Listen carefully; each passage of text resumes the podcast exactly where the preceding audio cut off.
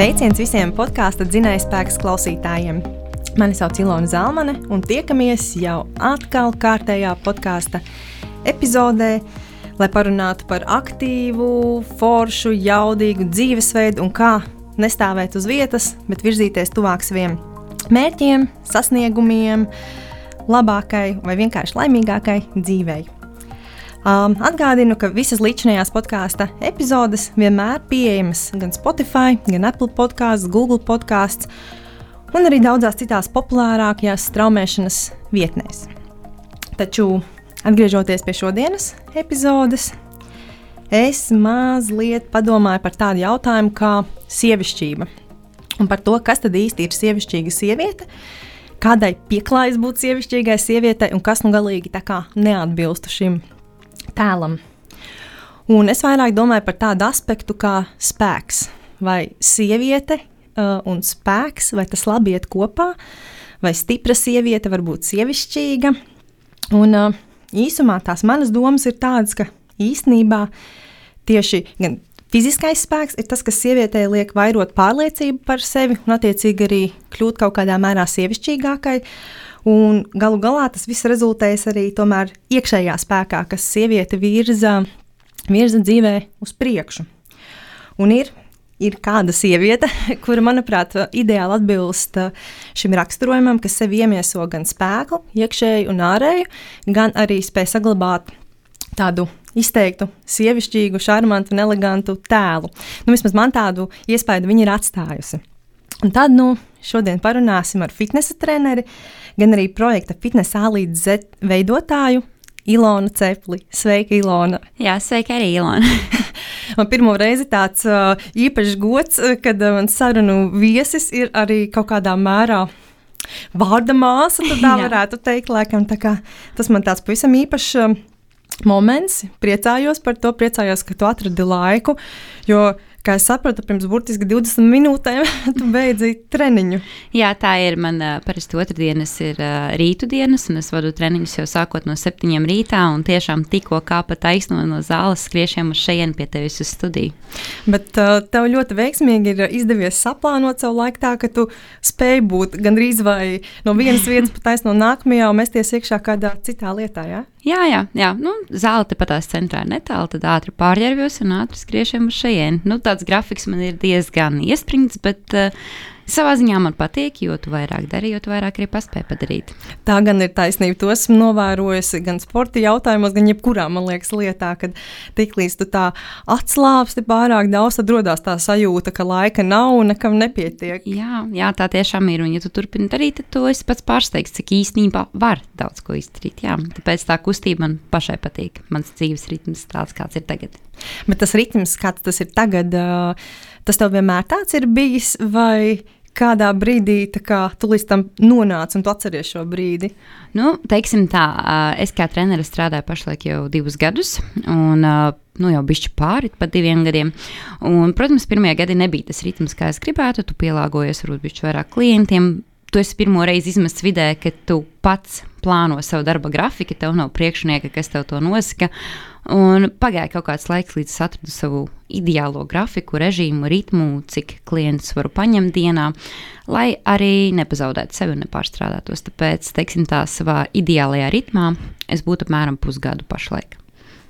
Ja es saprotu pareizi, tad uh, tu strādā sporta zālē, bet tu tomēr nefokusējies uz grupu nodarbībām, bet tu strādā ar klientiem individuāli. Jā, es sporta zālē nodarbojos tieši ar individuāliem klientiem, grupas nevedu jo vairāk es teikšu, tā sevi tajā neredzu, es esmu diezgan liels pedants un piekasīga. Un tā, kad es esmu mēģinājis vadīt grupas, man. Es sapratu, ka es nespēju visu izkontrolēt, un tas man radīja iekšēji lielu stresu. Tāpēc es sapratu, ka es nevaru tieši fiziski izkontrolēt grupu. Es gribu, lai ir kvalitāte, tāpēc es darbojos tikai individuāli. Uh, vienīgais grupas kā izņēmums tā ir mana projekta grupa, ko es vadu, bet tā arī ir neliela grupa. Tie ir 6 līdz 8 cilvēki, lai ir maksimāli individuāla pieeja.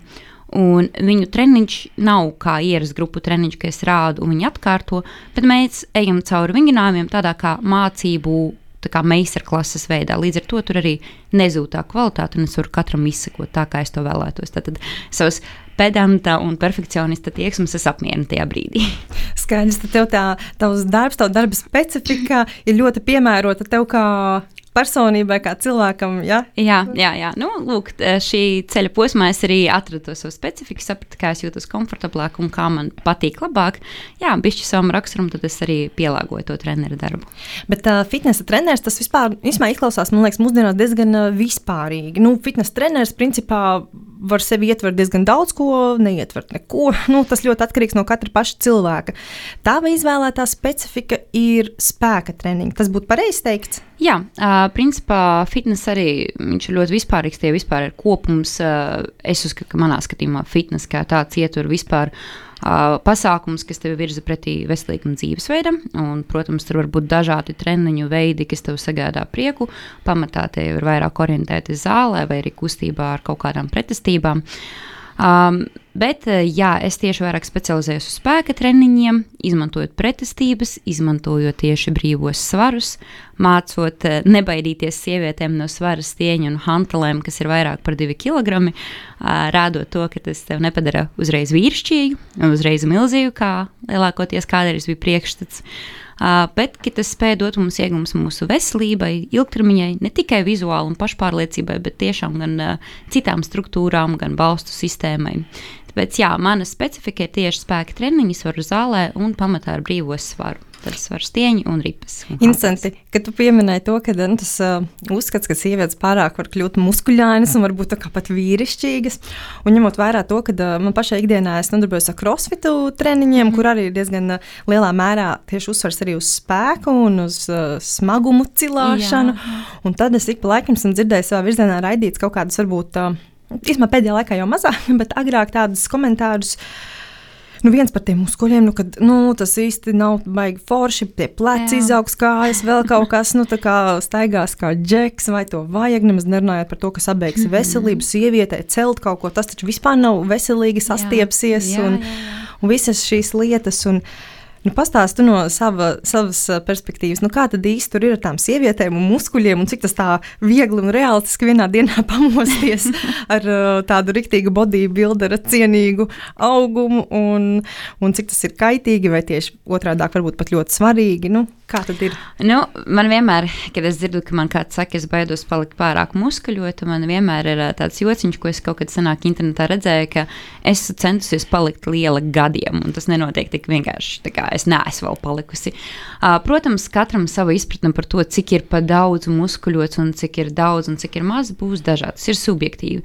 Bet, ja mēs runājam par muskuļu attīstību, nu, sievietēm, ja tev nav ģenētiski nereālākās dotības, tas nenāk tik vienkārši kā vīriešiem teiksim, tā, tas, cik ir jādara, lai tu iztītos kā tā bodybuildere, ko redz bildē, uh, ir nenormāli daudz. Viņi visdrīzāk trenējas gadiem, trenējas gadiem un dienu dienā. Nenormālie svari un apjomi, visdrīzāk konkrēts uzturs ir. Un uh, visdrīzāk nevienmēr atļautās metodas, teiksim, tā, ja mēs runājam par papildus palīdzību līdzekļiem un bagātinātājiem. Līdz ar to parasta sieviete, ja viņa grib sevi redzēt tādā, nu, ir jāiegulda tikpat. Un, ja viņi negrib iztīties šādi, nu, tad ar parastiem treniņiem zālē divreiz, trīsreiz nedēļā pat paceļot smagākus svarus, tas tā noteikti nenotiks. Un, protams, kādam ir ģenētiski hormonu līmenis lietas cits, un varbūt tie muskuļi nāks ātrāk klāt kaut kādā zonā. Bet, ja jūtas, ka ir nekomfortabli tajā zonā, tad to var treniņiem pielāgot. Uh, jā, bet uh, paceļot kaut ko svarā, smagāk, virs 5 kg, nu nebūs tā, ka maģiski no rīta piecelies un tur ir uh, kājas, nezinu, kā vīrietim, kurš ir tur tupjās ar 200 kg. Nu, tas tā, piemēram, līdz man, ar to nav tik vienkārši nemaz tas. Man liekas, ka pat vīriešiem dažreiz ir tā, ka viņi iegulda tik daudz darba un domā gan par uzturu, gan par treniņiem visu, un pat viņiem nevienmēr izdodas tik ātri, kā gribētos tos muskuļus uzturnēt. Jā, jo muskuļu augšanas process īstenībā ir diezgan garš process, tas nenotiek nemaz tik ātri ātri. Līdz ar to arī pieņemsim stāstot nomest svaru, ja mēs runājam par taukiem. Tas pat ir ātrāk izdarāms nekā uzlikt muskuļu masu uz augšu, tādu kvalitīvu, nevis vienkārši arī ar taukiem klāt. Um, līdz ar to tas tiešām nav tik ātrs process, un visām sievietēm, kas satraucas, ka spēka treniņu uzreiz padarīs vīrišķīgu, es esmu gatava nomierināt, tas tiešām tā nenotiek. Par tauku samazināšanu, man liekas, tas jau diezgan plaši jau šis mm -hmm. fakts ir izskanējis, ka tu nevari ietekmēt to, ka tu nometīsi taukus tieši no tā, es nezinu, tur uh, sāna vai pleca vai rokas jā. vai vienalga kā, bet principā tas tāds vienmērīgs process un tauki iet no visu ķermeņa tā kā vienmērīgi tā, kā tev, kādam jau ir dabīgi, ka atliekas vairāk kājās vai vairāk vēdrā. Mēs to nevaram ietekmēt paši. Viņi ies mūsu ģenētiskā veidolā secībā projām. Tad, ja tev parasti ātrāk iet no rokām, tad arī ies. Ir citi, kuriem no rokām vēlāk iet, un to ārēji mēs paši ietekmēt nevaram. Ja mēs gribam samazināt, vai pieņemsim sānus, nu, tad mums ir jāsamazina kopējais tauku procents, un plēvju tīšana ap vēdru noteikti nepalīdzēs tajā. O jā, o jā, visādas metodas arī savulaik ir uh, piedzīvotas un jā, pārbaudītas, jā. un kas tik, nav, kas tik nav darīts. Tagad vienīgais gribas saķert galvu un domāt ārprāts. Ārprāts, es arī esmu gājis cauri arī pati. Nu, man prieks, ka, ka es neesmu tāda vienīgā, tas kaut kā tomēr tiek liek justies normālāk, bet jā, es gribēju jautāt par to, kā tad muskuļiem, vai muskuļus tu vari ietekmēt, uz kuru zonu tu vairāk gribi, uz to tu vairāk trenējies, un tur arī tie muskuļi vairāk būs, piemēram, tā kā lieli dibeni, lielas kājas vai rokas, vai nu, kas nu kuram tā kā vairāk Jā, patīk. To mēs tiešām varam ietekmēt. Protams, atkal nenolieksim, ka ģenētiski kāda zona kādam jau ir vairāk attīstīta, bet ar treniņiem, ar pareizi organizētiem treniņiem uz grupām, uz kurām mēs gribam koncentrēties, ja mēs palielinām kopējo darba apjomu, piemēram, darām vairāk, darām biežāk, veicam smagāk, tad tā ir konkrēta zona, uz kur arī mēs varam sagaidīt ilgtermiņā lielāku pieaugumu. Pieņemsim, nezinu, negribam tik ļoti muguru, veicam bišķi mazāk vingrinājumus mugurē, bet uh, relatīvi veicam vairāk pret to vingrinājumus tai pašai sēža izolācijā. Jā, tā ir tā zona, ko mēs tiešām varam ietekmēt. Tas ir, ir forši, tāpēc, ja mēs negribam muskuļot ļoti lielu augšu, kas mūsuprāt liekas, ka ir vīrišķīgi, bet apakša lielāka muskuļot liekas sievišķīgi, tad mēs to varam tiešām ietekmēt. Jā. Un uh, vai saviem klientiem Es saprotu, sievietes ir tavs klients pamatā. Ja? Man ir arī pāris vīrieši, bet jā, pamatā ir sievietes mans klients. Vai savām klientēm to arī iesaki kādus uh, vispārīgas tādas rekomendācijas uzturziņā, kas palīdzētu šim uh, treniņu procesam, muskuļu veidošanās procesam? Jā, uh, tā kā es pēc izglītības neesmu uzturu speciālists, tad padziļinātas, uh, teiksim tā, rekomendācijas nevaru dot, bet kopējo vispārīgo balansu par uzturu, ievirzījumu, panalizēt, ko viņi tagad dara, to es arī daru un ievirzu. Un, pieņemsim, ja mēs runājam par to pašu muskuļu pieaugumu, ja sievietē nav mērķi zaudēt svaru, tad vienkārši viņai ir jāēd bišķiņu vairāk. Un tad ir jābūt tai robežai, lai nav traki pa daudz, jo jādam ļoti daudz. Kā jau minēju, muskuļu masas pieaugums ir lēns process. Mēs riskējam to, ka mēs vienkārši sāksim atkal taukus krietni vairāk likt klāt. Tāpēc, jā, kaut kādas šādas rekomendācijas, kā sabalansēt uzturu, pie kā vairāk piedomāt, lai tas uzturs būtu, teiksim, tā, bišķiņ pārdomātāks, veselīgāks, tādas arī es iedodu viņām. Tad tā, es vairāk par tādu diezgan konkrētu kaloriju skaitīšanu un kaut ko tādu, vai vairāk tomēr virzi uz tādu intuitīvu ēšanu un sevis labāku izpratni? Vai? Teiksim tā, mana pieeja ir tāda, ka sākuma posmā es katram iedodu paskaidrot kalorijas. Ja cilvēks, protams, piekrīt. Kāpēc? Jo man skatījums ir tāds, ka, ja tu nesaproti, kas kur atrodas, tu arī intuitīvi īsti nezinās, ko un kā kārtot savu šķīvi. Un ir dzirdēti ļoti daudz absurdu gadījumu, kad man pasaka, pat kā vīnogās, tā ir tik daudz olbaltumvielā, tur ir tīrākā veidā vienkārši augļu cukurs. Līdz ar to, lai šādi nerodas, es iedodu kādu laiku cilvēkam paskaidrot, lai vienkārši viņam veidojas tā izpratne, kur ir kas un kas veido tev dienas uzturu. Un no tā mēs vēlāk mēģinām pāriet uz tādām intuitīvām lietām, ar pareizu piedomāšanu. Tātad šajā ēdienreizē bija daudz tauki, varbūt vakarā mazāk tauku avots, varbūt vairāk olbaltumvielu avots, varbūt šķiedrvielas vairāk. Bet jā, es pati, teiksim, tā kalorijas kā tādas jau neskaitu nu jau vairāk par gadu. Un diezgan, es teiktu, tā veiksmīgi priekš maniem mērķiem man sanāk arī veidot savu uzturu bez skaitīšanas. Uh, Tikai tāpēc, ka es teiktu, tā iepriekš man ir bijusi pieredze un izpratne, kas kurā produktā ir. Uh, ir arī gadījumi, kad cilvēki vispār ar visām rokām, kājām pret skaitīšanu, varbūt ir kaut kādas psiholoģiskas iepriekš bijušas problēmas ar skaitļiem. Protams, es nespiedīšu pa visām varām skaitīt. Rakla ir citādāks veids. Es lūdzu, lai cilvēks man raksta visu, ko viņš ēd. Visus daudzumus, apmēram cik tas ir, neko nepiedomājot, mēs vienkārši kopīgi izrunājam, pāranalizējam, kas kur varētu būt, ko mēs varētu pamainīt. Protams, ja tur ir kaut kādas padziļinātākas uh, problēmas ar uzturu un vispār izpratni, es nekad nepateikšu tā, ka nekad nebūs žēl novirzīt cilvēku pie cita speciālista, kurš ir vairāk kompetents šajā jomā nekā es. Um, Tāpat tās ir citreiz ir uh, gadījumi, kad atnāk klienti un saprot, ka nu, nekādīgi mēs nevaram sakārtot viņa uzturu. Un analizējot to, es saprotu, ka vairs nav problēma izpratnē, bet teiksim, tā psiholoģiskās attiecībās ar ēdienu. Un tad tiešām es mēģināšu ievirzīt to cilvēku pie speciālista, pie psihoterapeita, kas varētu padziļinātāk risināt šo problēmu. Tādi gadījumi arī ir bijuši. Un kā cilvēki parasti uztver to, viņi arī ieklausās un dodas pie šiem speciālistiem, vai pa, pamāja ar galvu, jā, jā, un nekas nemainās. Uh, manā pieredzē ir, ka dodas. Varbūt ne uzreiz, varbūt ilgtermiņā apdomājot, varbūt apdomājot un meklējot savu ideālo speciālistu, bet līdz tam beigās nonāk. Jo, ja tu jau entās reizes atduries pret vienu to pašu grābekli, ka tu mēģini sagrožoties un tev nesanāk. Un katru reizi ir viens un tas pats, un pat tu zini, ka tev nav viss jāizlaiž, tu vari vienmērīgi ēst, un tas pats tevi nenomierina. Ja tu lūdz apkārtējiem palīdzību, vai tur nezinu, paregulē, lai tu neēd varbūt tik daudz saldumus un ko, un tu pats attopies tā, ka tu pakluso un viņam vienalga ēd. Es domāju, ka cilvēks pats sāk saprast, ka tā ir kaut kāda problēma, un ko viņš ilgtermiņā neatrisinās. Un, ja viņam ir svarīgs jūsu veselības dēļ, pieņemsim, tu pašus var samazināt, viņš kaut kādā brīdī sāks meklēt risinājumus arī pie citiem speciālistiem. Tāpēc, jā, manā pieredzē cilvēki varbūt ne uzreiz, bet vēlāk vēršas pēc palīdzības pie vēl kāda speciālista.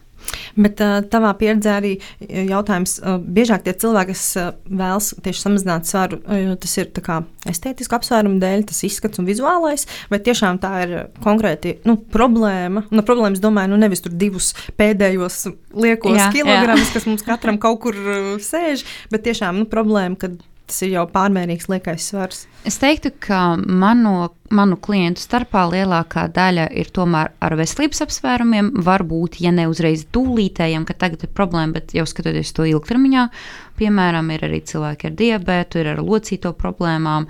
Ar uh, muguras problēmām, kur tas katrs liekais svars arī ir ar spiedienu problēmām, kur ārsti ir iedevuši rekomendācijas samazināt svaru un kustēties vairāk. Uh, Uh, es teiktu, ka lielākā daļa ir tāda, bet, protams, ir arī kaut kāda, nu, teiksim, tā, ja procentuāli, kad 30, 40% ir arī estētisku apsvērumu vadīti, vismaz uzsākuši, un uh, tagad saprot, ka tas sports un treniņi nevienmēr būs tikai svara samazināšana. Tad, tad, jā, arī ir ļoti daudz cilvēku, kas pie manis atnāk ar mērķi samazināt svaru, Un beigās saprotu, ka īstenībā tas nav viņu vajadzīgais bijis mērķis, ka viņiem vienkārši vajag kopumā sabalansēt kustības, varbūt palielināt bišķi muskuļu masu, un ka tas skaitlis, kā skaitlis, uz ko sākotnēji ciklējās, vairs paliek netik svarīgs. Vienkārši kopējais procesa izbaudījums un uh, izbaudot to, kādi nāk vēlāk augļi arī pašsajūta ikdienā. Uh. To gan man ir prieks dzirdēt, tāpēc, ka bieži vien tas iespējas rodās, ka cilvēki par uzturu un sportu domā nu, tikai tāda virspusēja mērķa vadīti, tā kā jā, izskatīties jā. labi bildēs, pludmalē un jā, vēl visur, jā. kur. Tas ir galvenais. Un, un dzirdot to, ka cilvēki domā par, arī par veselību, tas man liekas, ka kaut kas tomēr virzās pareizi. Es neuzskatu, ka gribēt izskatīties skaisti, tāpat par sevi ir problēma, bet, bet vairāk problēma radās, ja tas ir tavs Galvenais, un galvenais mērķis. Jā. Es arī par to kaut kad biju runājis savā Instagramā, arī par maniem mērķiem, kā es vispār uzsāku un kāds man vēlāk novirzījās. Um, arī man, kad es uzsāku vispār savu sportu, mans galvenais mērķis bija nomest svaru. Man bija konkrēti skaitļi, konkrēti izmēri. Un, godīgi sakot, es to procesu neizbaudīju. Arī mazinoties tam svaram, es nekad nebiju apmierināta. Un, Tas ir vienkārši saknē jau redzams, ka problēma bija kaut kur dziļāka. Tas skaitlis vai svars vai kaut kas tāds vizuālais neatrisinās manas problēmas. Tad sevis pieņemšanu, varbūt sevis iemīlēšanu. Un uh, gadu laikā arī mani mērķi ir mainījušies. Es izvirzījusi pa ceļam citus mērķus, kas pirmkārt galvenais ir mana veselība, mana veselība ilgtermiņā. Es vēlos būt Oma, kura var ar saviem mazbērniem paskriet, ja vajag izbraukt ar riteni un turēt viņiem līdzi, nevis sēdēt malā un teikt, nu, aizēj viens paspēlēs. Tas ir mans personīgi galvenais mērķis. Un uh, arī, ko es iev mēģinu iemācīt saviem klientiem, ka tad, kad jūs atnākat, forši ir izvirzīt vizuālos mērķus, bet ja viņi nenāk uzreiz, ir jāatrod, man kā trenerim jāpalīdz viņiem atrast citus mazos mērķus, kas viņiem palīdz noturēties pie tā procesa, to procesu galvenais iemīlēt un saprast, ka tas ir veselībai. Jo, manuprāt, arī ir tāds diezgan muļķīgs priekšstats un frāze, ko esmu daudzkārt kādreiz dzirdējusi. Ilona, tu tāpat esi tieva. Priekš kam to sportot? Tu tāpat esi tieva. Un tad man liekas ļoti muļķīgi, ka cilvēki asociē sportu tikai tāpēc, lai tu būtu tievs. Bet sports ir mūsu veselībai pirmām kārtām. Jā, to es arī esmu daudz dzirdējis. Vairāk ne tikai savā virzienā, bet vispār, ka cilvēki nu, kaut kā nezinu, varbūt grib attaisnoties man par to, ka viņi nesporto Jā. vai kā, bet nu, arī tā kā, nu, ai, nu, es jau jūtos tā kā labi svādā, man jau tur nav ko nomest, mm. vai es tur ievēroju kaut kādu diētu, tur īpašo tādu un šitādu, nometu to, ko vajadzēja. Viss tā kā dzīve ir skaista, ar to tā kā viss beidzās, ielīd vajadzīgajā bikšu izmērā. Bet to, ka tā veselība, jā, tas man pašai ir tāds, es nezinu kā lai pasaka, nu, man gribētos, lai cilvēki vairāk par to domā un, un saprot, jo es pat esmu tā kā, no tās vienas galējības, ka par to tu vispār nedomā, un tikai nu, viens vēl ir uh, izskats, bet nu, man pašai ir bijis tā, ka izdarīt kaut ko vairāk, ātrāk, stiprāk, mm -hmm. nu, tas ir otrs, ka tu jau sevi bišķiņi varbūt tā kā izdzēs, bet nu, tā veselība tur visu laiku noslīd kaut kur projām, un tagad es nezinu, vai tas ir vecums, vai Jā. uz ko es to varētu norakstīt, bet arvien vairāk, vairāk es tieši novērtēju tos lielos ieguvumus. Ieguvumus gan jā. emocionāli, gan fiziski. Gan enerģijas līmenis ikdienā. Lai arī cik tas liktos jocīgi, ko man arī cilvēki saka, oi, nu es jau tā esmu ikdienā noguris, kāda vēl treniņa. Bet īstenībā, jā, sākuma procesā tu būsi vēl nogurušāks, varbūt, bet līdz ko tu iesi pirmo nedēļu ritmā, tu jūties, ka tu pat enerģiskāks esi savā ikdienā, kura jau tev iepriekš likās nogurdinoša, pat pieliekot aktivitātes klāt. Nu, jā, man arī runājot par veselību, Man sports visu mūžu bijis manā dzīvē, jau no pašas bērnības, bet ar uh, iepriekšējiem sporta veidiem esmu guvusi arī traumas. Līdz ar to svaru zāli, treniņi, struktūrizēti treniņi ir man palīdzējuši tās problēmas atrisināt gan ar muguras sāpēm, gan ar locīto sāpēm. Precīzāk, man bija traumētas saites celim. Un es gadiem vairs neesmu jutusi vispār, ka viņas man kaut ko teiktu, ka kaut kas būtu slikti. Līdz ar to, jā, arī tajā ziņā veselībā viņš dod iegūmu, un es gribu to iegūmu noturēt arī cik vien ilgi var. Bet, eh, Klau, kādi ir tie sporta veidi, ar ko tas iepriekš nodarbojasies? Tad es saprotu, ka uh, tas tas spēka treniņu lauciņš un fitnesa treneris darbs, tas nav tavs pirmsākums sportiskajā jā, sfērā. Jā. Tad pastāst, kas varbūt ir pirms tam. Nu, ja mēs ejam no pavisam, pavisam pirmsākumiem, tad teiksim, sports manā dzīvē ir apmēram no pieciem gadiem. Viss sākās ar manu tēvu. Mans tēvs ir tiešām cilvēks, ko es abrīnoju ar viņa raksturu. Uh, Kad es biju maziņa, viņš diezgan cieta no lielas atkarības no alkohola. Piedzimstot manam brālim, viņš saprata, ka kaut kas ir dzīvē jāmaina, un kā roku nosmēlis visu nost, viņš sāka no tīras lapas, ar tādu apņēmību cilvēks tu bieži nesatiksi. Un viņam to procesu palīdzēja noturēt treniņi un sports. Viņš ņēma mani līdzi, mēs devāmies ārā skriet. Nu, protams, viņš skrēja, es viņu tur sagaidīju, viņš skrēja riņķus, un tad mēs gājām uz stieņiem trenēties. Un tad, jā, savos piecos, sešos gados varēja kādas sešas reizes pievilkties. Un pa stieņiem rāpot, un bija ļoti fiziski attīstīta jau. Uh, un viņš arī man radīja to galveno mīlestību pret sportu, jo man tā bija tāda kā forša laika pavadīšana ar tēti un izklaide. Nākamie gadi jau sākoties pirmajām skolas klasēm, četrus gadus es gāju cirka skolā, jeb akrobātikā. Oho! Jā, kaut kāda lokanība ieguva.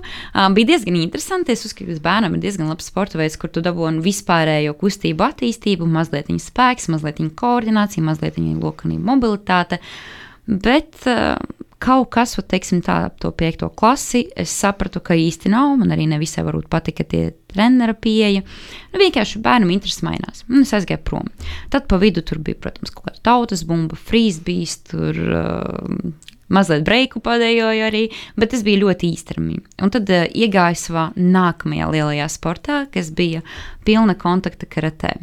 Un tur es veltīju nu, bišķiņu virs sešiem saviem gadiem un diezgan nopietni. Tā kā gatavojoties uz augstiem panākumiem, braucot uz pasaules čempionātiem uz Dāniju, arī ar augstiem rezultātiem, ar pirmajām vietām. Bet uh, kā jau viss, teiksim, tā profesionālais sports, viņš nav veselīgs, viņš ir traumatisks. Un ņemot vērā, ka šis bija pilna kontakta karatē, kur sitieni netiek apstādināti, viņi tik sisti, tu esi bez ķiveres, bez cimdiem. Jā, ar roku pa seju nevar, bet ar celi drīkst. Uh, viņš nāca līdzi ļoti daudz traumām gan teiksim, tā, sasitumiem. Visu laiku es biju zilumos ar norautām dūrēm, asiņainām, kad uz ielas cilvēki domāja, ka es varbūt vienkārši kaujos uz ielas. teiksim, tā, tas nu, noteikti nebija tas sievišķīgākais sports. Uh, Un tad pienāca posms, kad savos 18 gados, nu jau tur gandrīz vai kāpjot 19, es sapratu, ka es negribu zaudēt savu veselību. Tajā sportā es arī iegūstu tās traumas gan ar muguru, es iegūstu spēcīgu sitienu ar celu mugurkaulā, un uh, arī saiti krustenisko biju pārāvusi. Uh, es sāku saprast, ka es gribu, lai man sports dod veselību, nevis to bojā. Un, uh, tas bija ļoti grūts lēmums, ko varbūt arī neatbalstīja tuvinieki un arī vecāki sākumā. Uh, viņi domāja, ka es vienkārši paliku izklaidīga, tāpēc es vairs negribu iet uz to sporta veidu. Uh, vēlāk viņi atbalstīja, protams, manu lēmumu, redzot, kā uzlabojas arī mana veselība, pašsajūta ikdienā. Un tiešām bija ļoti grūti aiziet prom no tā sporta. Man viņš vēl ar viens sirds, sirdī ir tuvs. Es dodos ik pa laikam pastīties sacensības, arī citreiz kā tiesnese vēl ar vienu patiesāju. Bet tajā posmā Instagrams vēl nebija tik attīstīts, Latvijā vispār ne, bet ārzemju kontos sāk parādīties forša fitness. Un tad tu skaties uz smukām meitenēm, kas sporto, un tad man radās tā interese par tieši svaru treniņiem un fitnesu. Dēļ tā laikam karatē sākuma man nekad nebiedēja nekas, kas būs smagāks un jādara kaut ko vairāk, svari mani nebiedēja. Nu, tā, metos tajā iekšā ar uh, tik, cik zināšanas man bija. Un, zini, pēc tā, ko tu tikko pastāstīji, nu, pēc tā, cik tas tomēr ir smagi, un cik tu staigāji apkārt zilumos, un, un tas nozīmē, nu, tas nebija Jā. tā pa jokam vai tā bišķiņa, tas bija, nu, pa pilnu programmu. Jā. Kā tu sešus gadus sevi atradi motivāciju, vai kas bija tas, kas tev bija? Lika katru reizi saņemties. Jo es teikšu, godīgi, ja es aizietu uz tādu vienu treniņu, uz vēl kaut kādu, man vienkārši regulāri daudzīt, un tā, ka ar paliekošām sekām, gan vizuāli, gan uh, jau nopietnāk uz veselību, nu, kas atspoguļojas. Es domāju, ka tur nu, kādi seši gadi. nu, jā, jā. Um, teiksim tā. Laikam man uh, gal, tagad, ja es teiktu godīgi, es vairs tajā sportā nevarētu izturēt ar savu tagadējo domāšanu, veselīgumu nevarētu tajā posmā, kad es sāku, nu, cik man bija 12 gadi, es sāku savos 12 gados, es sāku ar jau augstiem panākumiem. Jau otrajā treniņā mans treneris paziņoja maniem vecākiem, mēs gatavojam viņus pirmo Eiropas čempionātu, kas notiks Latvijā jauniešiem. Pēc pusotra mēneša man bija pirmais starts. Un dēļ tā, ka es iepriekš biju ar tēti trenējusies, kā arī es gāju akrobātikā, man bija gan spēks, gan lokanība. Un ļoti laba sava ķermeņa izjūšana. Un man ļoti ātri sanāca apgūt kustības. Uh, Līdz ar to jau pirmajās sacensībās man bija kopā trīs cīņas. Pirmajā cīņā es salauzu kājai pirkstu. es viņu zaudēju. Bet es gāju vēl uz divām cīņām, un viņas uzvarēja. Cīņa nevis pirkstu zaudēja, es ceru. Jā, nu, jā pirksts viss kārtībā, viņš ir uz vietas. Jā, jā pirksts uz vietas, bet uh, cīņa zaudēja pirmo.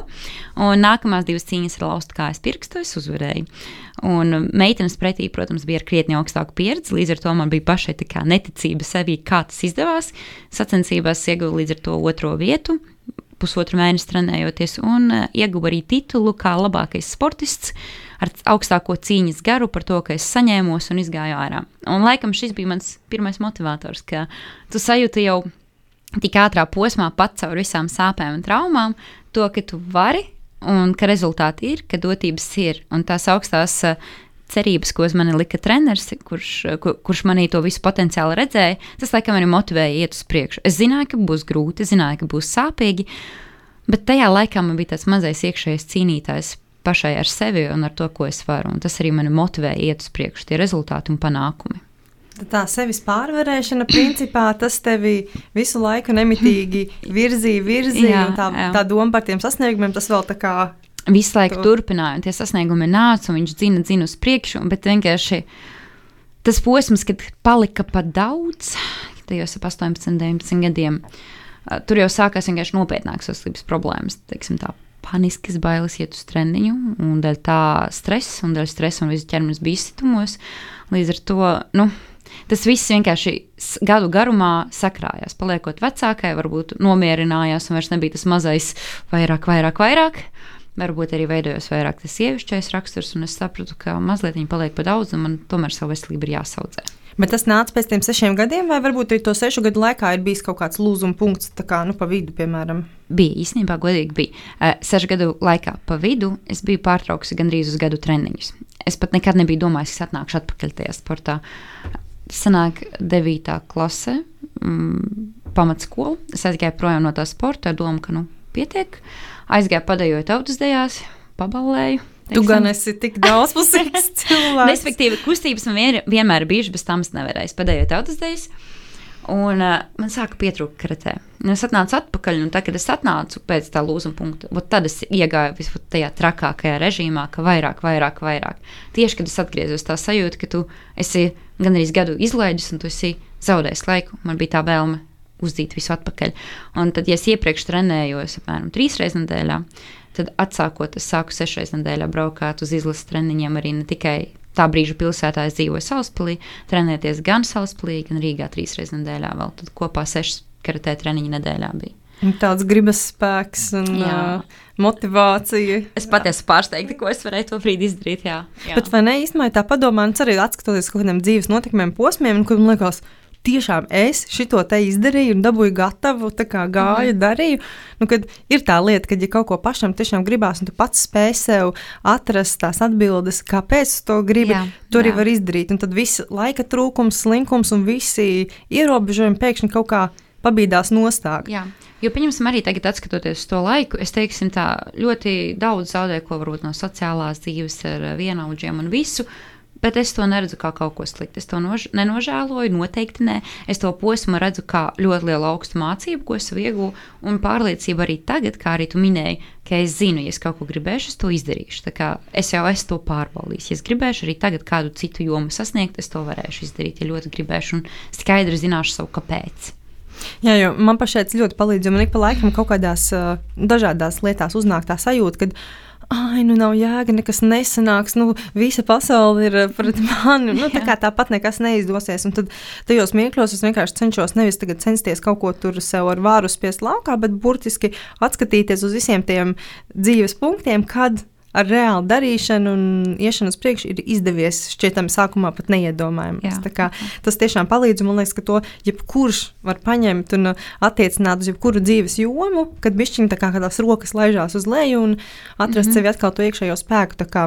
Tas man liekas, par nu, sporta ziņā ir baigais iegūms. Es to jā, ļoti noteikti, novērtēju. Jā.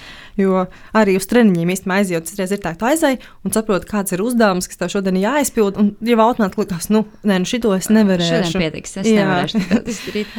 un tad tu sāc darīt, un tad tu saproti, ka to, ko tiešām varbūt pirms nedēļas vai divām nevarēja, pēkšņi tas ir kļuvis iespējams. iespējams jā, jā. Tas, tas tiešām motivē. Tāpēc man arī liekas, ka viens ir tā veselība, nu, tā fiziskā veselība, un domājot ilgtermiņā, bet arī tie emocionāli un tādi tā personības attīstības uh, ieguvumi, ka tu kļūsi kā cilvēks stiprāks. Jā, jā. Un tieši ja par sievietēm mēs runājam arī, ko teicām, nu, man liekas, ka par sevi pārliecināta un iekšēji stipra sieviete vienmēr būs sievišķīgāka, iznesīgāka un apkārtējie ja viņu pamanīs labā pamanīs. ziņā. Es jā, tā domāju. Jā. Es arī tieši tāpat uzskatu, ka arī tā iekšējā pārliecība ir vajadzīga katrai sievietei. Un sports ir viens no tiem, kas tev palīdz vairot. Jā. Tā kā nevis trenējoties, tu kļūsi pārāk muskuļaini, bet drīzāk jā. varbūt pat uh, kaut ko vairos tieši sievišķības virzienā. Jā. Bet jā, tad atgriežoties pie tavas karatistes, tā būtu pareizi teikt. Droši, karatistes karjeras pienāca tie 18 gadi, tas punkts, kad tu saprati, ka tā vairs turpināt nevar, un tu pievērsies fitnesam ar domu jau par veselību un ilgtermiņu mērķiem. Pareizi tā, jā?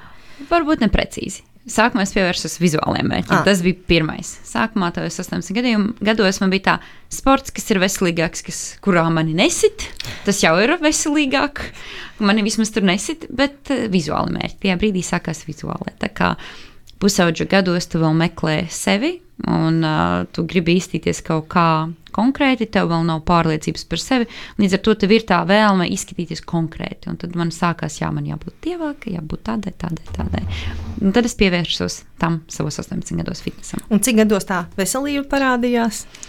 Es teiktu, tāds? kā galvenais prioritārais 21, kaut kur tā ap to posmu, 21. es sapratu, ka sports man tomēr galvenais veselība ir. Jā, nu tas posms bija diezgan garš. No tiem 18 līdz 21 tur ļoti daudz dažādas muļķības arī šajā jomā tiks strādāts. Ja mēs runājam par uzturu un tādām lietām, emocionālām attiecībām ar ēdienu, pret sevi, pret savu ķermeni, tas viss tika pārvarēts apmēram līdz 21 gadam. Un tad, principā, tu nolēmi nesēdēt uz veciem lauriem un uh, turpināji savu izglītības ceļu arī mazliet tādā fokusētākā uh, veidolā tieši par veselību, par sportu kā par veselības veicināšanas jā, instrumentu. Ja? Jā, jo ja es iepriekš. Uh, vēl gadus atpakaļ, ap tiem 18, ja man kāds teikt, ka tu būsi vēlāk treneris, teiktu, nē, es negribu būt treneris. Un uh, es vienkārši to brīdi trenējos, ilgi par to tālāk nedomājot, uh, mācījos. Tad, kad pienāca laiks, kad bija jāizlemj, kur tad es iešu mācīties augstskolu, es to brīdi iestājos sporta akadēmijā un iestājos par fizioterapeitu. Un to gan izglītību man nesanāca pabeigt, tur bija ļoti daudz dažādu šķēršļu pa vidu un vispār tā sapratne, ka es negribu būt fizioterapeits kā tāds. Arī tāds kārs man atnāca. Um, bet uh, tajā posmā es tiešām sāku pievērsties uz to, skatīties kā ilgtermiņa veselību un trenēties ne tik ļoti vizuālu mērķu dzīta, bet citu mērķu dzīta. Tiešām izbaudīt procesu, nostiprināt vajadzīgās muskuļu grupas, skatīties tam, kā līdzi mainīsies ķermenis pašsajūta un pārliecība. Jā, tas bija pat, kad iestājos mācībās, studijās, tas sanāk 21. gadā sākās viss. Tas uh, tagad, ko tu mācies? Nē, tagad, labi, tad iziesim cauri izglītībai. 21. gadā sanāk, es iestājos sporta akadēmijā mācīties par fizioterapeitu. Nostudēju, varbūt pat mānos, man bija 20. Jā. Nostudēju pusotru gadu, tātad trīs semestrus, un, diemžēl, saslimu ar plaušu karsoni. Izslimoju, izvesaļojos, saslimu atkal. Un, principā, divi mēneši es gandrīz vispār nebiju mācībās. Ļoti daudz kas tika iekavēts. Tad, kad bija sesijas laiks, uh, sanāca tā, ka es izgāju cauri gan visiem priekšstatiem, un viens priekšstats palika tā, ko nu, vienkārši nevar nokārtot. Tev pasniedzējs nepieliež nokārtot, jo tu esi ļoti daudz izlaidis. Un tad uh, es sapratu, ka man jāņem ir akadēmiskais, un pa to laiku es sapratu, ka es tiešām nevēlos fizioterapeits būt. Es arī negribēju. Es sākotnēji gribēju būt trenere, Tad, kad es izlēmu, ka iešu mācīties sporta akadēmijā, bet uh, apkārtēji teica, kas tad ir treneris. Treneris nekas, ej par fizioterapiju, bišķi prestižāk būs.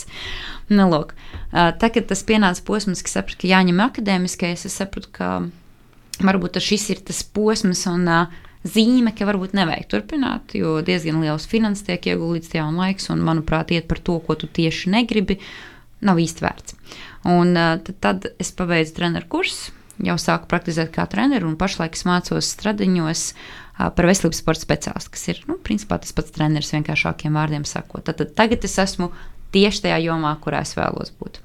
Un, teiksim, tā pats ar savu kvalifikāciju uz augšu. Vēl. Bet Tu saki, tas tās pats treneris vien ir, bet nu, pēc nosaukuma veselības sporta speciālists tas tomēr izklausās tā mazliet jau tā, nu, dziļāk rokot. Nu, ja mēs tā pāranalizējam to nosaukumu, jo treneris, kas var būt nu, zāles treneris, volejbola treneris, basketbola, florbola, dažādus ietver. Tas veselības sporta speciālists, viņš vairāk ietver treneri kā zālē, grupas, rehabilitācijas, kaut ko šādu. Viņš neietver volejbolu, viņš neietver tādas lietas, viņš vairāk ietver to jomu, kurā es pašlaik darbojos. Līdz ar to tas nosaukums nav vienkārši treneris, bet veselības sporta speciālists. Nu, tā. Un kā tev šobrīd patīk? Uh, es teiktu, ka ir labi, ir interesanti. Uh, man gan nav jāiet uz ļoti daudziem priekšmetiem, tā kā man ļoti daudz kas ir pielīdzināts no fizioterapijas. Um, bet tā kā teiksim, tā pats sākums pagaidām ir interesanti, bet tā kā jau es esmu praktizējoša šajā jomā un jau izglītība pirmā ir, vismaz šajā sākuma mācību posmā pašlaik nekā baigi jauna man nav. Tad redzēsim, kā ies, ies tālāk visus priekšu. Nu, es tev no sirds novēlu, ka kaut kur tur būtu arī kaut kāda jaunuma un kaut kas tāds priekš nu, noteikti jau būs. Noteikti būs jā. Bet uh, tiešām es apbrīnoju to, ka cilvēki iet un mācās un dara, jo man pašai arī man ļoti, īstenībā, Man ļoti patīk mācīties, bet tagad, biju pabeigusi savu pirmo kā, izglītību pēc vidusskolas, mm. kad tu ej, tad nākamo, tad man bija tāds. Uf, Viss, tas ir beidzies vairāk nekad. Un pieteikt tikai padomāt vairāk nekad, lai tu pēkšņi saprastu, kas tev patiešām interesē, un tad tu iet ar visām rokām un kājām un meklētu variantus, darīt to, ko tu gribi darīt. Jā, jā, jā. Vienmēr cilvēki, kas arī spēj tā mainīt savu fokusu, un tā kā tu no fizioterapeita un saprast, ka tas nav, un tomēr iet un meklēt, kas ir tas tavs, mm -hmm. man tas uzreiz tā iedvesmo un patīk, kad ir šādi Jā. cilvēki, kad, no kuriem var pasmelties to. Bet uh, iepriekš. Uh, Tu pieminēji to posmu, ka teici, ka visādām muļķībām ir iet cauri, gan Jā. uztura, gan vis visādās uh, lietās, un arī to es ļoti novērtēju, ka, ka tu esi atklāts, godīgi, un tu nesaki, ka viss vienmēr ir bijis uh, perfekti Jā. un ideāli, un tas iedod, man liekas, tādu cilvēcību un man liekas, ļoti daudz cilvēku ar to ikdienā saskarās, ar tām kļūdām muļķībām, un informācija no visām pusēm nāk, un tu neesi eksperts tajā, nu, kā tev saprast, kam sekot, kam nē, kam ticēt, kam nē, un tu sāc uz savu galvu jau visādas, visādas brī, brīnumainas darbības, un es tā skaitā, un es tagad jums detaļās neiešu, kas, kur, kad, kā, ko, bet tieši par tavu projektu domājot, kas mani uzrunāja, jo pirms kādiem gadiem, nu, es teiktu, jau pirms septiņiem, uh, es atceros, ka mēs ar uh, tagadējo jau manu vīru, toreiz draugu, nopirkām sporta zāles abonementu mm -hmm. un iesim uz uh, sporta zāles, trenižera zāli. Nekad neesam bijuši, neko nezinām, ko tur darīt. Aizjām tā kā tādu izklaides centru, tur kaut ko tur paskienam, kaut kāds tur trenižers, kamēr saprotu, ko ar viņu vispār darīt, kā viņu iedarbināt. Tur vēl kaut kāda svari jāliek, kas tu kaut ko tur cilvēks brīnīties. Tu kaut ko pajautā tur tam trenerim, kas tur stāv malā. Jā Tas tev varbūt parāda, kā to trenižeri ieslēgt, bet nu, ar to arī viss tā kā beidzās. Tu tur pamuļājies, pasties apkārt, jūties bišķiņ tā kā galīgi nepiederīgs. Ne savā vietā. Ne savā vietā un saproti, sporta zāle nav priekš manis. Jā. Un aizēju prom, un viss. Un es atceros, ka vēl pēc kāda laika, man liekas, es vēlreiz mēģināju citā sporta zālē. Tad es tur gāju, tur kaut ko tur skrēju un kaut ko tur baigi darīju. Bet arī kaut kā, nu, nebija tas. Nezinu, tas skaidrais uh, plāns, nu, ko darīt, kā darīt. Vairāk bija tāds uz nejaušību jā, balstīts. Jā. Nu, kurš tad trenižeris būs brīvs vai kaut kas tāds? Jā, jā. Un arī ļoti ātri. Tas apsīka. Principā abonements uz mēnesi, nu es tad varbūt aizgāju kaut kādām divām, trim reizēm. Nu, tā kā nauda jā, vienkārši jā. izmesta. Un tagad, uh, dzirdot un uzzinot par tavu projektu, Fitness A līdz Z, es domāju, kāpēc agrāk tāda nebija? Tāpēc, ka Uh, tu noteikti pati pastāstīsi sīkāk un vairāk par projektu, bet nu, īsumā kaistos uztvers, ka tā ir iespēja meitenēm, uh, sievietēm, kas vēlas uzsākt savus patstāvīgās sporta zāles apmeklētājas gaitas. Šis projekts viņu sagatavo, iemāca, izstāsta, kas, kur, kā, kā veidot savu treniņu, kā pareizi izpildīt mm -hmm. uzdevumus. Nu, arī par uzturu, cik saprotu, mazliet kaut kādas jā. vadlīnijas. Jā. Tas viss palīdz salikt plauktiņiem, un pēc šī kursa meitene gatava ar paceltu galvu doties uz zāli. Jā, jā. Tu varbūt izstāsti, nu, kur radās šī ideja, cik sen viņa radās, kā tapa projekts, kā tu saņēmi arī priekš tāda liela tomēr apjoma darba, es teiktu, sevī tādu iekšējo to drosmi un to stimulu, ka jā, ir jādara. Nu, principā projekta pirmsākuma ir meklējumi vēl pagājušajā gadā. Un, um, teiksim, tā, janvārs. Pagājušā gada janvārs bija pirmā grupa, un tobrīd es nebiju vienīgā trenere, kas viņu organizēja. Es vadīju ar vēl vienu treneru vīrieti. Un um, Kārlis Seidiks varbūt arī zināms būs. Mēs sākām veidot mūsu pirmo grupu. Abi divi sapratām, ka kopā ir vieglāk uzorganizēt kaut ko lielāku, gan darba apjomu izdalīt, gan viņas zināšanas, gan manas salikt kopā. Un tā ideja bija tiešām uh, veidot projektu, kurš būs gan klātienē, gan daļēji attēlināti, kur cilvēkiem tiek dotas dažādas programmas, dažādas progresijas, un pa punktiņiem saliek, kā iemācīties galvenās bāzes kustības zālē, kuras vēlāk, ja tu jau apzinājies, tu mācīsies arī pats atvasināt uz dažādām variācijām. Un tiešām mērķis ir sagatavot ar pašiem, pašiem pamatiem, izstāstīt, kā tas ir, lai cilvēks droši justos arī būt patstāvīgi zālē. Tā bija mūsu sākotnējā ideja. Mēs kopā novadījām vienu grupu, bet, uh, diemžēl, sanāca tā, ka sapratām, ka kopīgs darbs mums neies uz priekšu. Un tad man bija lielais lēmums saprast, vai to projektu turpināt vadīt vienai vai nevadīt. Bija grūts lēmums, ne, nebūt kā, neslēpšu to. Tiešām bija grūti. Es sākumā domāju, nu, kā tad būs to visu apjomu pavilkt vienai, bet šis bija projekts, mans mazais lolojums, mans mazais sapnis, ko es jau turēju sen. Es metos iekšā nezināmajā un bailīgajā, stājos bailām pretī un izlēmu pieņemt lēmumu vadīt vienu pati. Un noteikti nenožēloju. Un tad tapa mana pirmā grupa, kas bija man vienai pašai individuāli vadot pagājušā gada maijā. Nu, jau tagad man uh, iet uz priekšu trešā grupa, ko es vadu viena pati. Un uh, ideja palika tā pati, bet dēļ tā, ka es biju tagad vienīgā treneru sieviete, es izlēmu, ka šī būs tikai sieviešu grupa. Un tas arī bija tiešām īstenībā ļoti labs lēmums, jo tā komunikācija, tā atklātība, kas ir mazā sieviešu kolektīvā, mums izveidojas, bija pavisam cita. Meitenes nebaidījās stāstīt jau par savām kaut kādām uzturu problēmām, par kaut kādām citām veselības problēmām, kuras varbūt pakautrētos vīriešu klātbūtnē minēt, un citu vīriešu, kas ir grupas, grupā iekšā. Līdz ar to šis bija liels lēmums arī vadīt tikai sievietēm. Nu, lūk, un tad, eh, teiksim tā, tiešām tā ideja bija dot sievietēm iedrošinājumu, kā darboties vienām. Un projekta idejā ir tā, ka mums ir viens kopīgs treniņš klātienē, reizi nedēļā, un viņām ir diva, divi treniņi vienām pašām jāizdod. Viņām ir konkrēta struktūra, konkrēts plāns, kas ir jādara. Katram vingrinājumam ir detalizēti apraksti un arī video uz manis filmēta latviešu valodā ar skaidrojumiem. Tad, tad informācijas apjoms viņam tiek iedots liels. Protams, Tas nav tā, ka tu vienkārši aizies to pabaks un izdari. Tev ir jāmācās. Ja tu iestājies tādā projektā, tu nāc ar mērķi, ka tu gribi izglītoties, gribi saprast, būs jāpaklausās, jāpalasa, jāpaskatās vairāk tie video. Un mācīšanās procesā tie treniņi, kurus viņas aizdu vienas pašas, viņam ir arī sevi jānofilmē. Jā, tas arī tāds izmešana ārpus komforta zonas. Tu jau jūties neērti zālē atnākot, un tad tev vēl sevi jānofilmē. Pirmās nedēļas ir grūti, bet vēlāk meitene satops, ka pat ir visai interesanti. Pati redzi sevi no malas, kā tu veido, kā tu dari, un to viņas ir atsūta man. Līdz ar to es varu uzreiz dot analīzi visam, kā jums soks. Un tajā nedēļas treniņā, kad mēs tiekamies dzīvē, ir detalizēta tehnikas izskaidrojums. Nu, tas tāds īsais skaidrojums par projektu. Protams, projekta norises laikā ir vairāki semināri. Viens no tiem ir ieskats gan par uzturu pamatprincipiem, kuras stāstu, kur mēs analizējam, dodu pirmās norādes. Nākamais es dodu arī ieskatu anatomijā. Ja man ir svarīgi, lai meitenes saprotu, uz kurām muskuļu grupām mēs strādājam, kā mēs strādājam, kur ir mūsu korsti, kāpēc viņi ir jāstiprina. Tad es arī dodu to mazo anatomijas ieskatu no teorijas un, protams, par kopējo ilgtermiņa treniņu organizēšanu, kā tad labāk viņus plānot, ko prioritizēt, kādas ir vingrinājuma variācijas.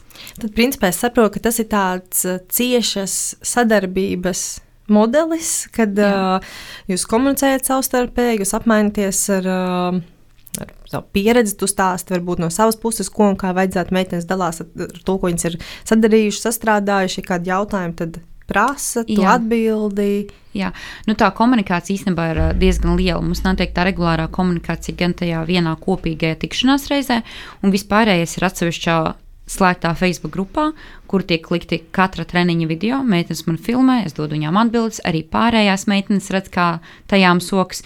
Mēs tur ieliekam iekšā kaut kādas ēdienu receptes, padalāmies. Ja rodas kaut kādi jautājumi, mēs taisām viņiem live video, vai arī vienkārši video iefilmē ar atbildēm, ar mājas darbiem. Tad, tad tiešām tā ir ļoti cieša komunikācija. Un projekts ilgs 12 nedēļas, un to 12 nedēļu laikā mans mērķis ir iedot maksimāli daudz viņām informāciju.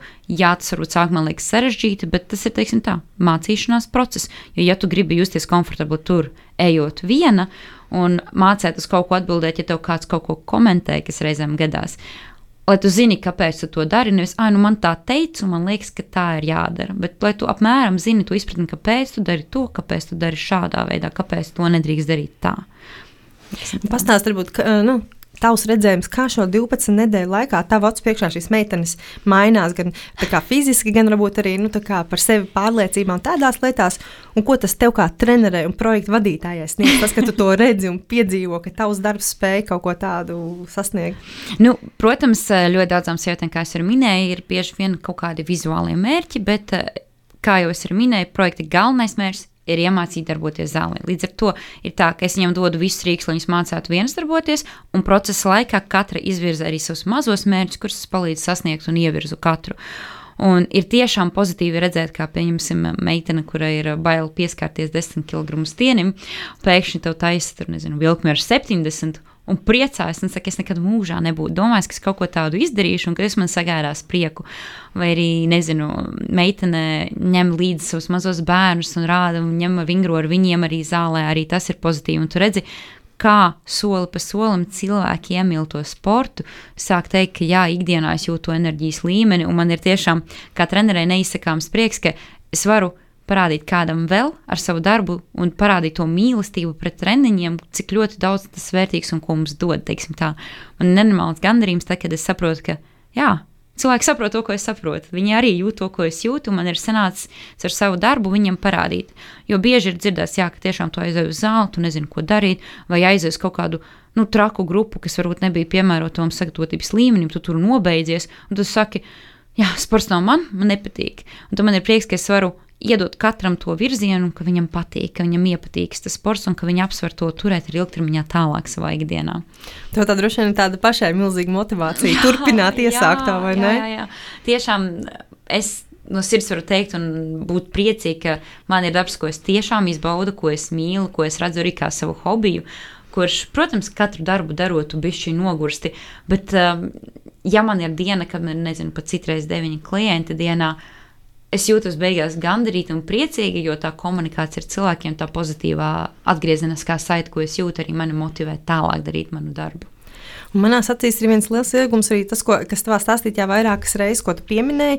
Viens ir tas, ka tu pati, kad tu biji maza, ka tavs tēvs ņēma tevi līdzi un radīja tevī šo mīlestību pret Jā. sportu un principā ar savu piemēru, ar savu darbošanos, ar tādu kopā darbošanos tas atstāja tā kā pozitīvu iespēju ietekmi uz bērniem. Jā, tas ir viens.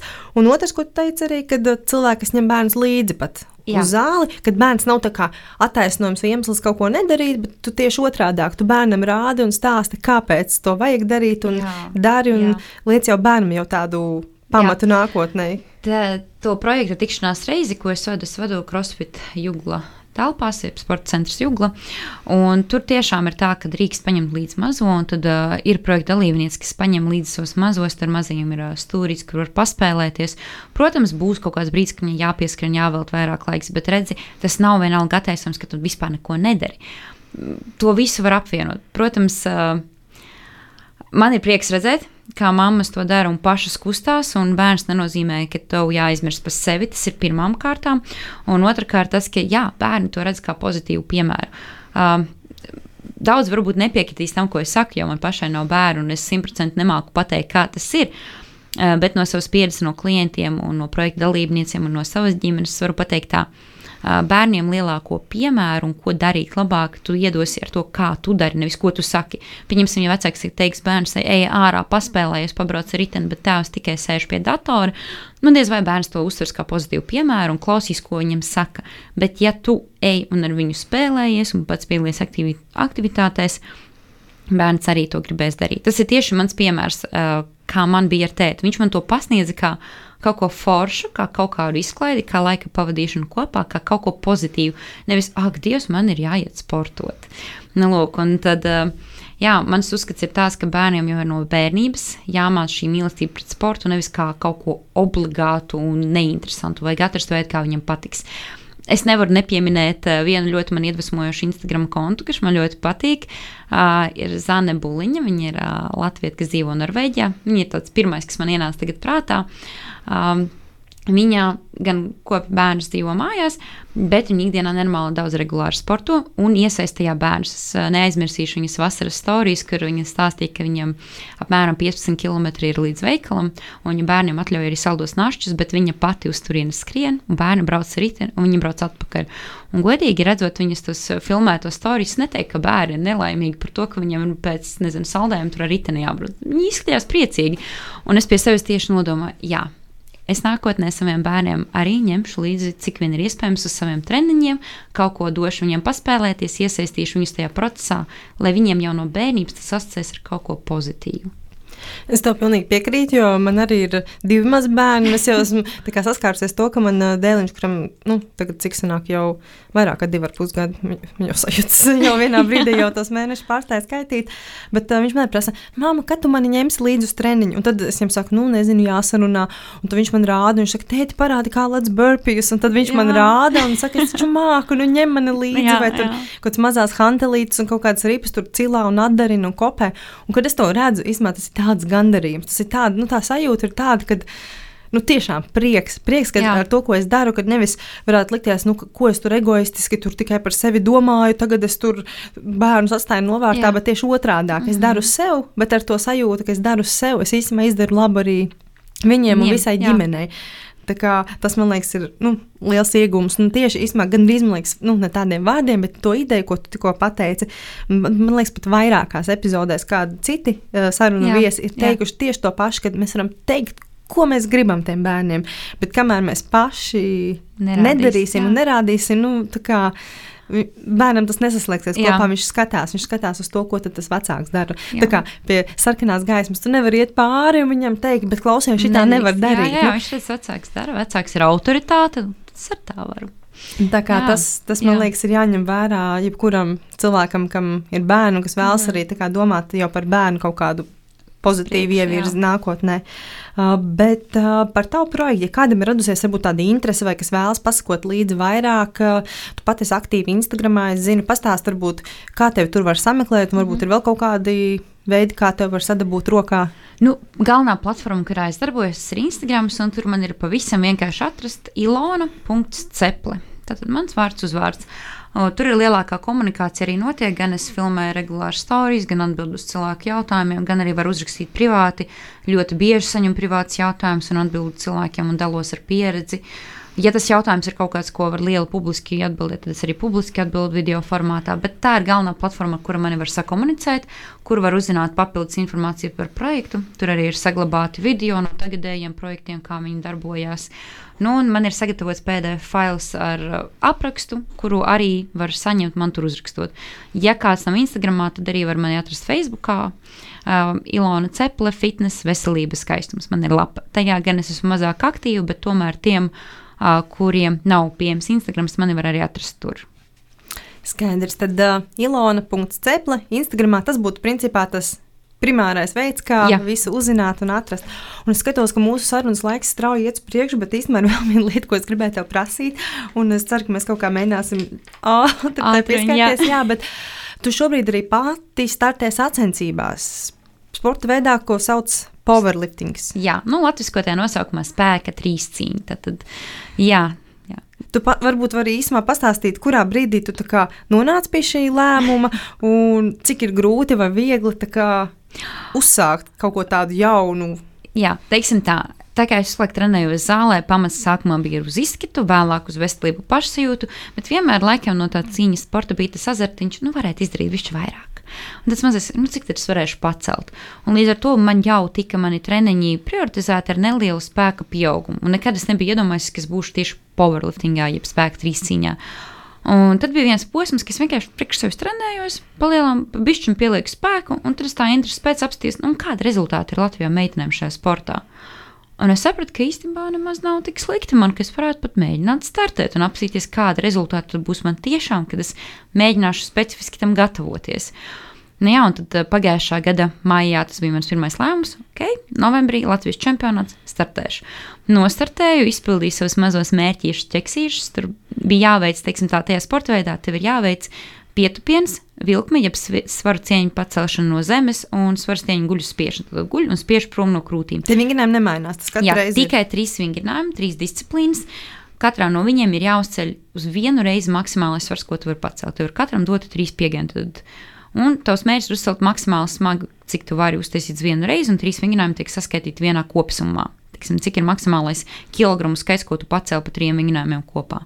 Nu, lūk, un, uh, savus mazos mērķus uztaisīt. Tad, tad, ja mēs runājam par skaitļiem, vilkmi, ja pacelšana no zemes bija 125 kg, um, guļu spiešana tagad pēdējās sacensībās bija 70 kg uz vienu reizi, un pietupiens man bija 102,5 kg uz vienu reizi pietupos.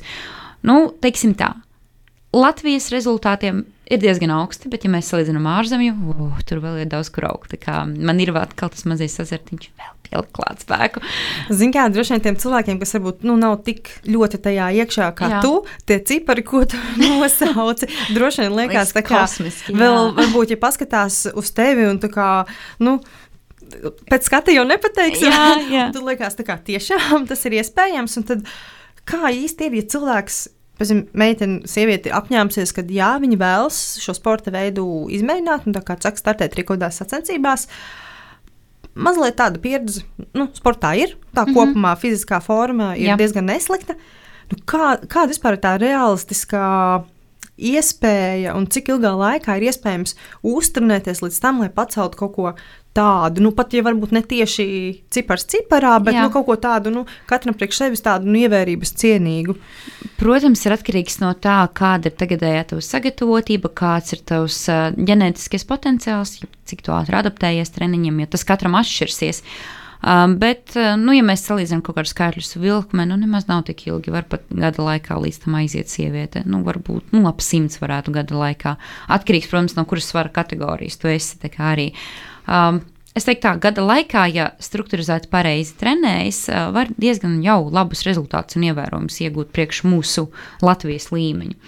Nu, un tad atkal atliek pārējais, cik ilgi turpinās. Jo ilgāk trenēsies, jo lēnāk tie cipari ies uz augšu sākumā. Protams, ņem, nu, teiksim tā, pirmajos gados tu izsmeli ļoti lielu daļu no sava potenciāla, ja tu jau esi pareizi struktūrizēti trenējies.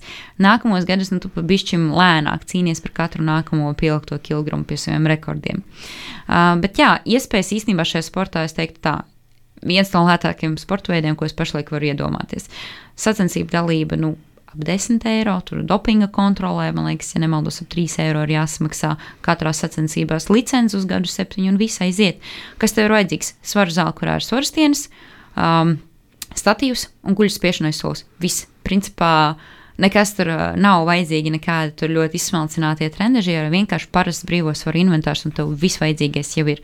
Nu, vienīgais lielākais, laikam, ieguldījums ir, ja tev tajā nav zināšanas, tev ir vajadzīgs treneris, kas vismaz tev sākuma posmā iemācās precīzi uztaisīt kustības un iedot tev treniņu plānu, pēc kā progresēt uz sacensībām. Tas arī ir viss. Es teiktu tā, ka relatīvi, ja mēs salīdzinām ar to pašu tenisu, hokeju, vai vēl kaut ko finansiālais ieguldījums ir diezgan maziņš tajā sporta veidā, lai tu varētu sākt ar viņu darboties.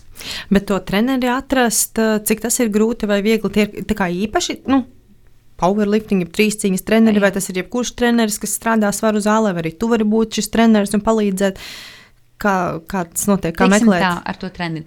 Ja tu vērsies pie parastas svaru zāles trenera, protams, viņš kaut kādu spēku pieaugumu to varēs palīdzēt, bet ja viņš specifiski nav nodarbojies ar treniņu organizēšanu, un programmēšanu, bloku sadalījumu, veidošanu tieši spēka trīsciņas pieaugumam, nu, laikam labākais nebūs ilgtermiņā variants. Sākuma progresija noteikti iedos. Es labāk uh, ieteiktu vērsties uzreiz pie tāda, kurš pats startē un jau trenē sportistus šim konkrētam sporta veidam. Uh, vieglākais veids, kā to ir atrast, ir uh, mājaslapa www.powerlifting.lv. Uh, tā ir federācija, kurā es startēju. Uh, un uh, viņiem ir gan savs Facebook lapa, var piesakot, var paskatīties, kuri cilvēki, kuru vārdi figurē, kuri jau tur startē, un tad mēģināt viņus sakontaktēt. Tas ir labākais veids, kā iet, vienkārši atrast federācijas lapu un caur turieni mēģināt atlasīt potenciālos trenerus, kuri tajā darbojas. Ja runājam par mani, es ilgtermiņā gribētu, varētu gatavot meitenes, tieši sievietes, jo kā es arī popularizēju šo sporta veidu sievietēm, es gribētu viņas gatavot šim sporta veidam. Pašlaik, tā kā tas ir man kaut kas jauns tieši sacensību mērķiem, es vēl nejūtos gana kompetenti. Līdz ar to pašlaik vēl nē cerams, ka tuvākajā laikā es uh, varētu sākt arī gatavot sievietes. Uh, priekš savas izaugsmes, lai es sevi tuvinātu tam, ka es gatavoju sieviešu sporta veidam, uh, varu pateikt to, ka tagad man arī ir pašai savs treneris uh, no pagājušās nedēļas. Uh, Līdzšinējie rezultāti šajā sportā, kaut arī es viņa nebija iepriekš startējusi, es ieguvu visu pati, pati sevi sagatavoju. Uh, tad tagad es gribu vēl augstākus rezultātus, un es apzinos, ka es gribu padziļinātākas zināšanas, un uzskatu, ka ļoti labs veids ir vērsties pie cilvēka, kas ir vēl zinošāks tajā. Līdz ar to, jā, tagad man ir arī savs treneris, kas man tajā gatavos un turpinās man izglītot specifiskāk vēl par šo sporta veidu. Man liekas, rītīgi labi, ka tu to pateici, jo ļoti bieži cilvēkiem, kas pat nav paši treneri vai profesionāļi vai pat ne sporta jomā, ka vienmēr liekas, ka es tak visu zinu, ko es tur iešu, kādam maksāšu, tērēšu laiku, vēl kaut ko, vēl kaut ko, mm. un tad domā, nu tad, nu tad es pats gudrs. Pats gudrs Bet īstenībā, cik daudz vari iegūt uh, un cik labas lietas var iegūt, ja tu uzticies profesionālim un esi gatavs atvērties un prasīt to palīdzību. Jā. Man liekas, ka tad arī tās lietas sāk tiešām notikt. Es uzskatu, ka nekad nav jākaunās atzīt, ka tu kaut ko nezini un kaut ko nezini gana daudz, jo tie, kuri pateiks, ka viņi zina visu, viņi jau ir apstādinājuši savu ceļu uz jebkādu tālāko izaugsmu. Tu nekad nevari zināt visu. Un mums ir jābūt, teiksim, tā. Bišķi atvērtākiem par to, ka, evo, varbūt es kaut ko nezinu, ļauties reizēm savai profesionālajai krīzē, ka, evo, varbūt es zinu pa maz, jo tā ir ļoti labs motivators turpināt savu izaugsmu uz priekšu, meklēt informāciju un tiešām vērsties pie kāda, kas tev palīdzēs tajā procesā. Par to nekad nav jākaunās, un es uzskatu, arī jebkurā citā jomā nav jābaidās atzīt, ka kaut ko nezini, un tu vari tu zināt vēl vairāk mācīties. Man būtu sarunas noslēgumā, nu, burtiski vienā teikumā to var pateikt kaut kādu no savas puses tādu. Nezinu, ieteikumu vai padomu nu, tiem cilvēkiem, kas ir izlēmuši, ka viņi vēlas uzsākt kaut ko jaunu, vai tas būtu sporta zālē, powerliftingā, uzsākt savu biznesu vai nu, kaut ko radikāli pamainīt, lai, kas tas būtu. Bet cilvēkiem ir mazliet. Uh, mazliet bail, mazliet grūti saņemties, mazliet atrast to, to motivatoru. Hmm. Kas būtu tas, ko tu ieteiktu, tas pirmais, ar ko sākt, lai spētu? Nu, pirmais ir nebaidīties no baisā, no nezināmā. Mācīt, izkāpt ārā no komforta zonas. Es zinu, ka tas ir tiešām bailīgi, un jo tu paliec vecāks, ir vēl vairāk bailīgāk izkāpt ārā no komforta zonas. Bet apzināties to, ka viss labais un progress tiešām notiek tur. Uz to es varu attiecināt tiešām to savu projektu. Es pati tagad iedomājos, es gandrīz vai padevos un gandrīz vai izlēmu, ai, labi, es neorganizēšu projektu. Tagad, kad es atskatos, es liekas, nu, muļķis biju. Es gandrīz atmetu to savu sapni, par kuru tagad es esmu tik priecīga tikai tāpēc, ka man bija bail un bija nezināšana, kā tu būsi vienai. Līdz ar to labākais ieteikums ir, pat ja tu līdz galam nezini, pat ja tu baidies, sāc darīt, dari no labākās sirdsapziņas, meklē par to informāciju, bet dari, jo nekad nebūs piemērots laiks. Tā tu vari visu mūžu atlikt un beigās nepiepildīt savu sapni un lolojumu. Ilona, paldies tev paldies par šo ieteikumu. Manuprāt, tas ir vērtīgi un noderīgi un ļoti, ļoti trāpīgi. Un tiešām gan sportā, gan jebkurā dzīves jomā. Un, un paldies tev, ka tu atradi laiku, lai šodien atnāktu un padalītos savā, savā stāstā un savā pieredzē. Un es ceru, ka tas sasniegs tiešām daudzus klausītājus, kuriem tas būs īstajā laikā un īstajā vietā grūdienis varbūt varbūt pozitīvu pārmaiņu virzienā. Jā, Tā kā liels tev paldies! Paldies, tev, Ilona! Bija tiešām prieks parunāties ar tevi! Um, Dārgie klausītāji, šī bija kārtējā podkāstu epizode. Uh, es ceru, ka jums visiem patika, un jūs paņēmāt sev to pašu vērtīgāko un noderīgāko, ko tiešām arī spēsiet tālāk jau izmantot. Jo kas gan ir zināšanas bez praktiska pielietojuma, vai ne? Un ar jums tad jau tiksimies kādā no nākamajām podkāstu epizodēm. Atā!